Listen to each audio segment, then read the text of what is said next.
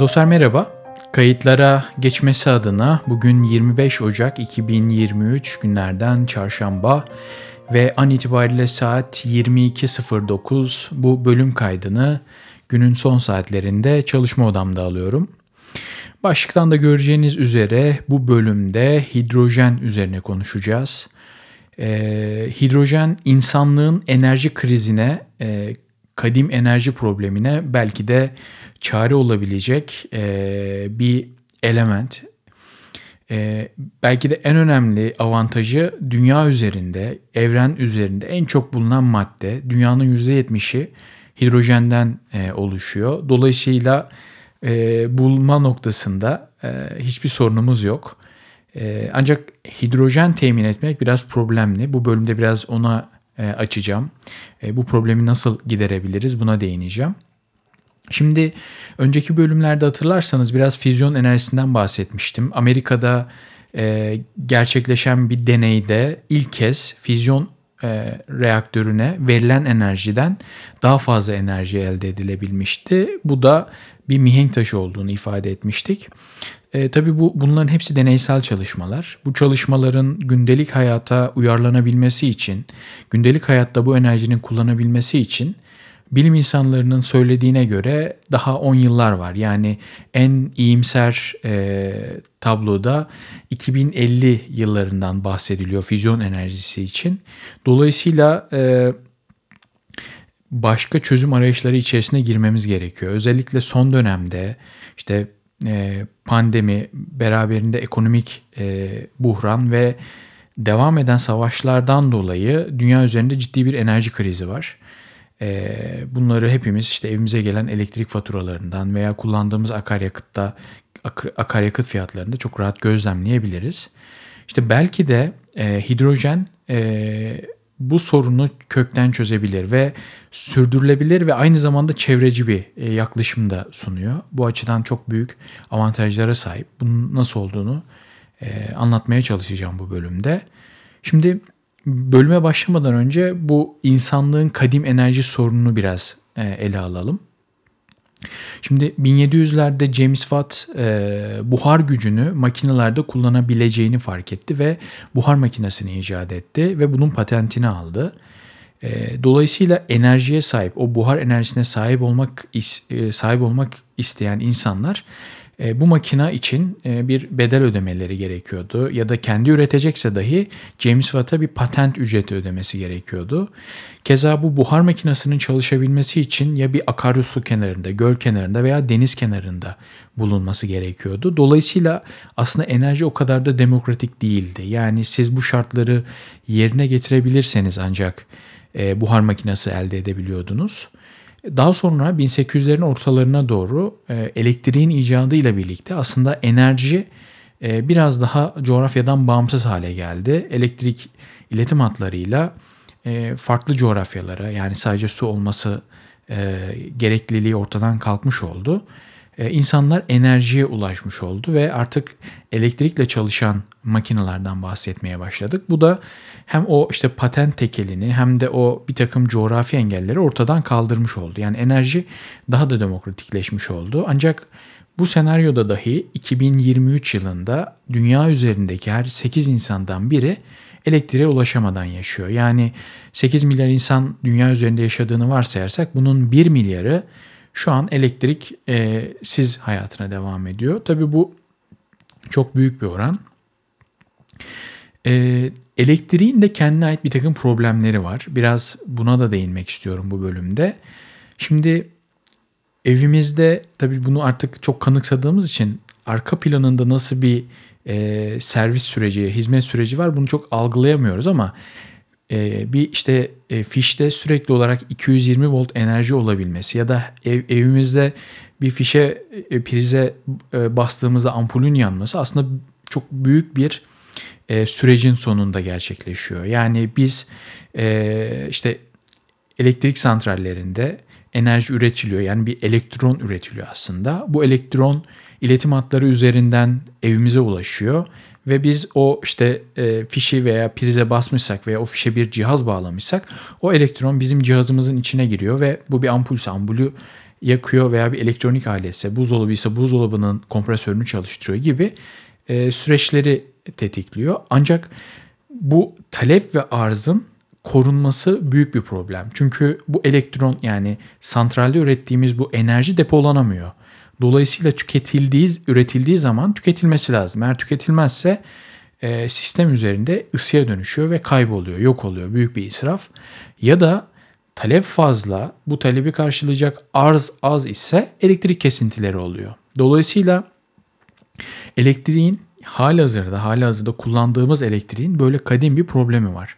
Bu problemin çözümü adına da e, her ülkede ki Türkiye'de de Ankara'da bir istasyon merkezi var ve bu istasyon merkezinin e, ana görevi bu arz talep dengesini korumak. Eğer talep artmışsa e, bu santral ya daha doğrusu bu istasyon e, envanterindeki santrallerle iletişime geçerek yeni bir doğalgaz santralini devreye sokuyor veya mevcut bir santralin kapasitesini artırıyor ve taleple arzı dengelemeye çalışıyor. E, bu büyük bir problem ve bu problemi işte Ankara'da bir e, istasyondan yönetiliyor tüm Türkiye üzerinde. Belki hatırlarsınız 2018'de miydi 2017'de mi emin değilim.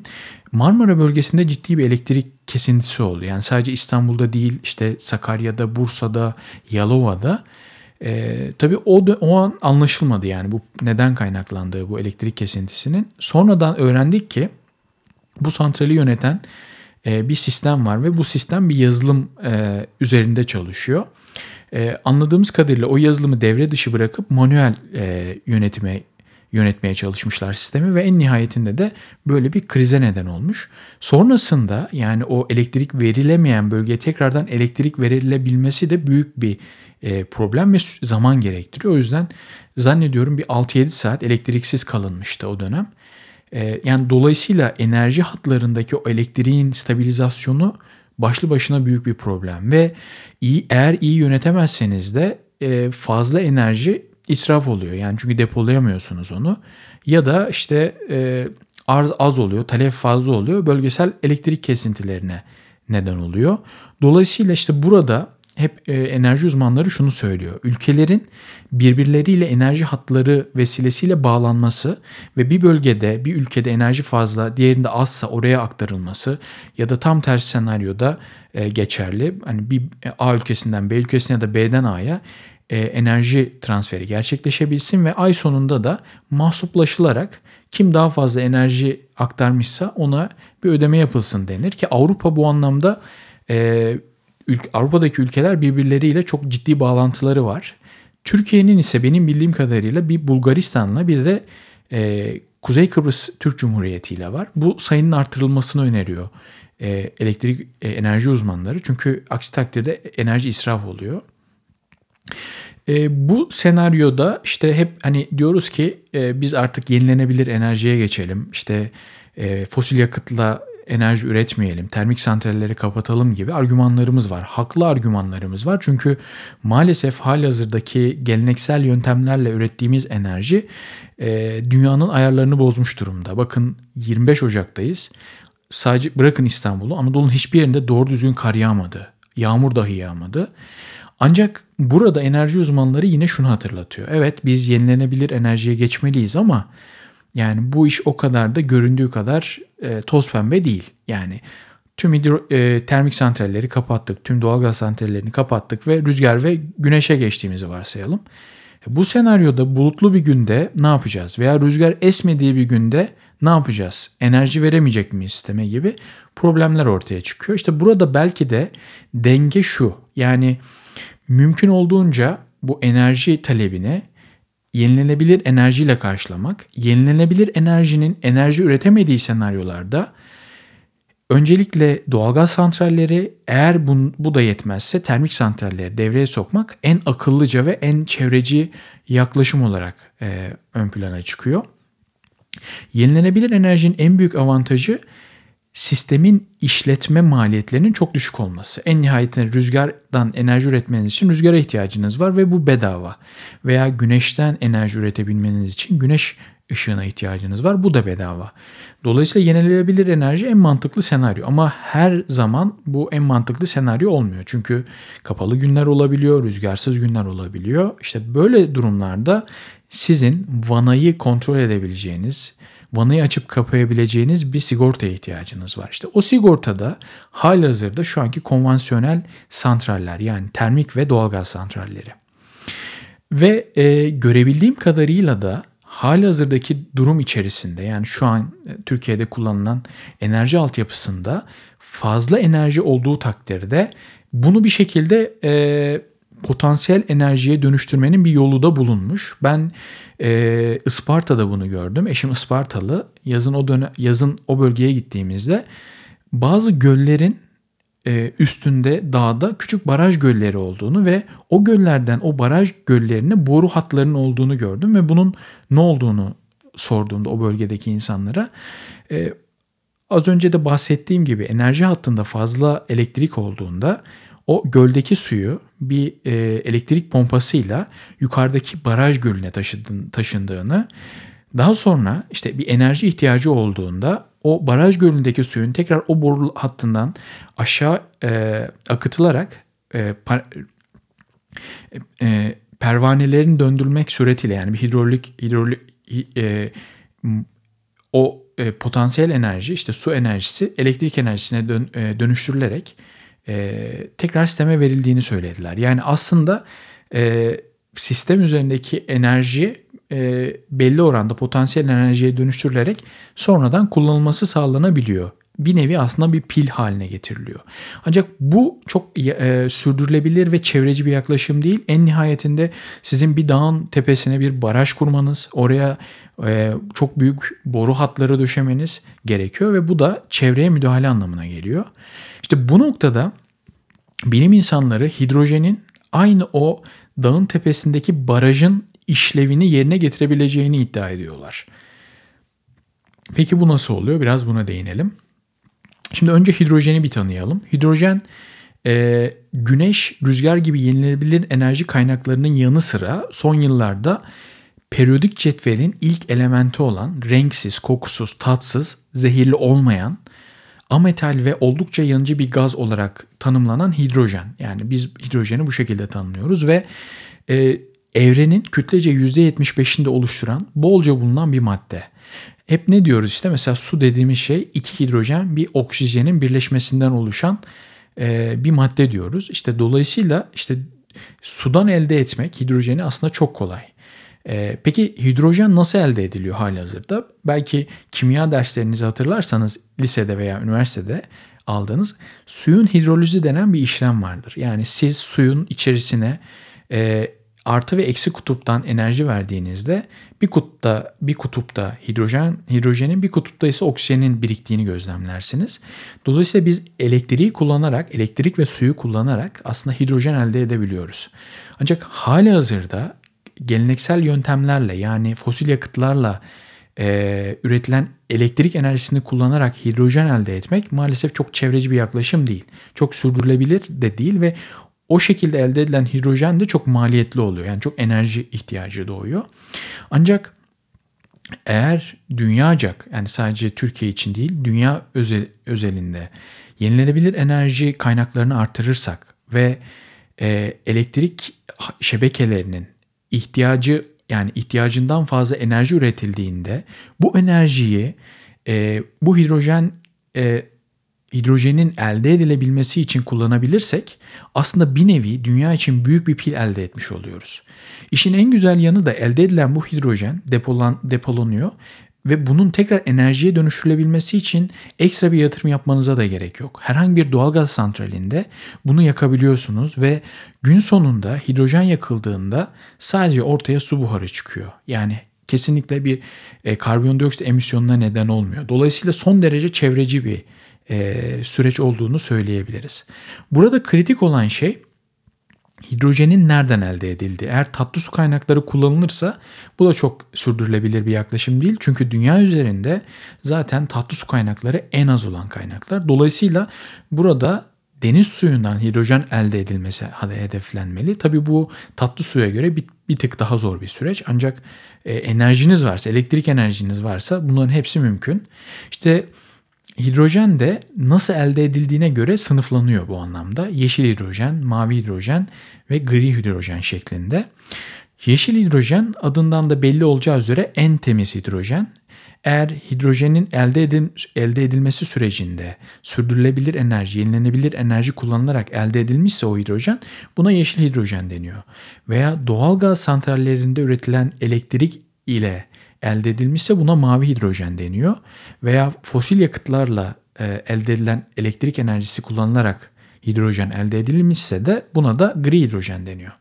Burada hedeflenen yeşil hidrojen elde edilmesi. E, bunun için de az önce de bahsettiğim gibi bizim e, yenilenebilir enerjiye, işte rüzgar santrallerine, güneş enerjili santrallerine olabildiğince yatırım yapıp buradaki sistem üzerindeki fazla elektrik enerjisini, şebekelerdeki fazla enerjiyi kullanılmadığı zaman bu hidrojen üretimine kanalize etmemiz gerekiyor. Aslında hidrojen yeni bir teknoloji değil. Yani 1950'lerden beri e, endüstride sıklıkla kullanılan, araç araçlarda kullanılan, hatta bazı uçaklarda denemeler yapılan bir yakıt. E, mesela bu noktada Mercedes ve Toyota gibi firmaların ciddi ürünleri de var. E, ve siz hidrojenli bir araç yapacaksanız aslında bu araçlar da ikiye ayrılıyor.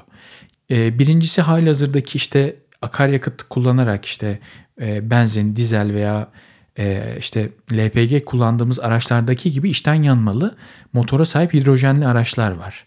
E, burada işte yanma bölümünde işte benzin veya e, mazot kullanmak yerine hidrojen kullanılıyor. Ama bu maalesef hidrojen çok e, akaryakıta, benzine, doğalgaza göre ya da LPG'ye göre çok daha kuvvetli bir gaz olduğu için çok e, güvenli bulunmuyor. En azından şu an için sadece bazı yarış araçlarında konsept tasarım seviyesinde kullanıldığını görüyoruz. Asıl endüstriyi değiştirecek olan elektrikli hidrojen araçlar ki bu, bunda da bir yakıt hücre sistemi var. Burada içten yanmalı bir motor yok. Sizin bir hidrojen deponuz var e, hidrojenli aracınızda. E, hidrojenli araç e, işte içindeki o hidrojeni yakıt hücresine gönderiyor. Araba da dışarıdan oksijen alıyor ve bu hidrojen ve oksijen birbirlerini çekerken bunlar çünkü ne zıt kutuplar aralarında bir elek, e, elektron transferi oluyor ve buradan bir elektrik enerjisi doğuyor. Bu elektrik enerjisi de ya işte arabanın e, elektrik motorlarına gönderiliyor ya da e, piline gönderilerek araç şarj ediliyor. Dolayısıyla siz elektrikli hidrojen bir araç elde etmiş oluyorsunuz ve bunun en büyük avantajı şarj etmenize gerek yok. Aynı akaryakıt istasyonuna gidiyorsunuz. Akaryakıt doldurur gibi aracınıza hidrojen dolduruyorsunuz ve yolunuza devam ediyorsunuz. Son derece çevreci ve aynı e, akaryakıt araçlarındaki gibi şarj etme süreci olmayan bir araç elde etmiş oluyorsunuz. Dolayısıyla böyle bir avantajlı olduğu nokta var. Aynı zamanda elektrikli araçlar yani sadece hidrojenli olmayan elektrikli araçlar ciddi bir pil sorunu var. Yani evet şu an biz e, farkında değiliz ama kullandığımız telefonların bile bir batarya ömrü var ve bataryaları işte bir 3-5 sene sonra tamamen e, ortadan kalkıyor, kullanılamaz hale geliyor ve biz bu bataryayı değiştiriyoruz. Ve bu bataryaların yani o lityumun tekrardan dönüştürülebildiği benim için büyük bir soru işareti. Ne kadar iyi dönüştürülebiliyor ya da gerçekten dönüştürülebiliyor mu bilmiyorum. Dolayısıyla biz elektrikli araç aldığımızda bunun e, pilini değiştirmek istediğimizde bunun çevre etkisi ne olacak? Bu büyük bir sorun. Aynı zamanda elektrikli aracın belki de en büyük e, maliyeti pili. Yani şu an bir elektrikli araç aldığınızda bunun e, piyasa değerinin 1 milyon olduğunu varsayalım. Yaklaşık olarak 600 bini sadece pile gidiyor. Dolayısıyla siz her 10 yılda bir aracınızın yarı fiyatına yakın bir yatırım yapacaksanız bu çok sürdürülebilir de değil. E, ve aynı zamanda elektrikli araçları bir şarj etme süresi var. Yani onu e, işte en hızlı senaryoda 40 dakikalara kadar iniyor. Dolayısıyla böyle handikapları var. Ama hidrojenli araçlarda aynı bir petrol ofisine girip işte aracınıza yakıt doldurmak gibi hidrojen dolduruyorsunuz ve yolunuza devam ediyorsunuz. Peki dezavantajlı olduğu noktalar var mı? Evet var. Hidrojen saklanması çok zor bir gaz. Yani e, bir benzin akaryakıt istasyonunda benzini, doğal e, LPG'yi veya dizeli saklamaktan çok daha zor ve e, Avrupa'da birçok ülkede e, hidrojen e, sa, e, istasyonlarında patlamalar oldu. Son birkaç yıl içerisinde oldu bunlar. Dolayısıyla hala biz bunu nasıl saklayacağımız noktasında yol kat etmemiz gerekiyor. E, ve daha yenilenebilir enerjilerle, daha çevreci, daha temiz enerjilerle şu an için elde edemiyoruz. Çünkü zaten dünyanın bir enerji krizi var. İşte biz bunu belki de işte rüzgar ve güneş enerjisine sırtımızı vererek elde edeceğiz. Dolayısıyla bu tür negatif tarafları da var ama kesinlikle bunlar aşılabilir şeyler ve çok daha sürdürülebilir gözüküyor benim nazarımda. Aynı zamanda hidrojen az önce de bahsettiğim gibi aslında belki de o baraj gölü gibi çok e, işte elektrik hatları için kullanılabilecek büyük bir pil. Yani siz e, sistem üzerinde kullanılmayan enerjiyi hidrojen üretimi için kullanıyorsunuz ve bunu depoluyorsunuz. Daha sonra e, örneğin akşam saati oluyor ki bir e, şehirde, bir ülkede en çok enerji akşam saatlerinde özellikle 8 ve 9 gibi saatlerde pik yaptığı söyleniyor. Bu senaryoda bir e, atıyorum termik santrali çalıştırmak yerine üretmiş olduğunuz hidrojeni bir doğalgaz santralinde yakarak enerji, elektrik enerjisi elde edebilirsiniz ve bunu sisteminize aktarıp kullanılmasını sağlayabilirsiniz. Dolayısıyla böyle e, bir sigorta işlevi de var e, hidrojenin. Büyük bir pil potansiyeli taşıyor bu anlamıyla da. Son olarak yani şöyle toparlayalım. Bu teknoloji halihazırda var dünyada yıllardır var ama pahalı. Çok ener- hidrojen elde edebilmek için çok büyük enerjilere, elektrik enerjilerine ihtiyaç var. Dolayısıyla bizim bu noktada yenilenebilir enerjilere çok fazla yatırım yaparak, buradaki verimliliği artırarak, elektrik enerjisi üretimimizi artırarak bu enerjinin fazla kısmını hidrojen üretimi için kullanmalıyız ve bunları e, depolayarak e, dünya için büyük bir pil haline getirmeliyiz. Bu çok sürdürülebilir, çok mantıklı ve anlaşılabilir bir teknoloji benim nazarımda. Ee, mesela elektrikli araçlar ilk böyle gündeme geldiğinde ilk aklıma gelen o bir ömrünü tamamlayan pillerin ne olacağı sorusuydu. Ama hidrojende böyle bir problem yok. Aynı zamanda hidrojeni yaktığınızda yine dünyaya su veriyorsunuz. Yani o suyu tekrar elektrikle ayırıyorsunuz. Hidrojen ve oksijene tekrar yakıyorsunuz. Yani müthiş bir e, sistem. Umarım e, dünya bu yaşadığı enerji krizini yenilenebilir enerjiye sırtını dayayarak atlatır ve fazla üretilen enerjinin de hidrojen üretiminde kullanılması sağlanır ve şu an yaşadığımız bu enerji darboğazından çıkarız. Çok daha çevreci, iklim krizine neden olmayan bir enerjiye kavuşuruz. Belki de bu aynı işte James Watt'ın 1700'lerde buhar gücünü keşfetmesiyle nasıl sanayi devrini başlattıysa belki de insanlık için yeni bir dönemin başlangıcı olur dostlar. Bu bölümde hidrojeni konuştuk. Umarım faydalı olmuştur. Beni dinlediğiniz için teşekkür ederim. Bir sonraki bölümde görüşmek dileğiyle.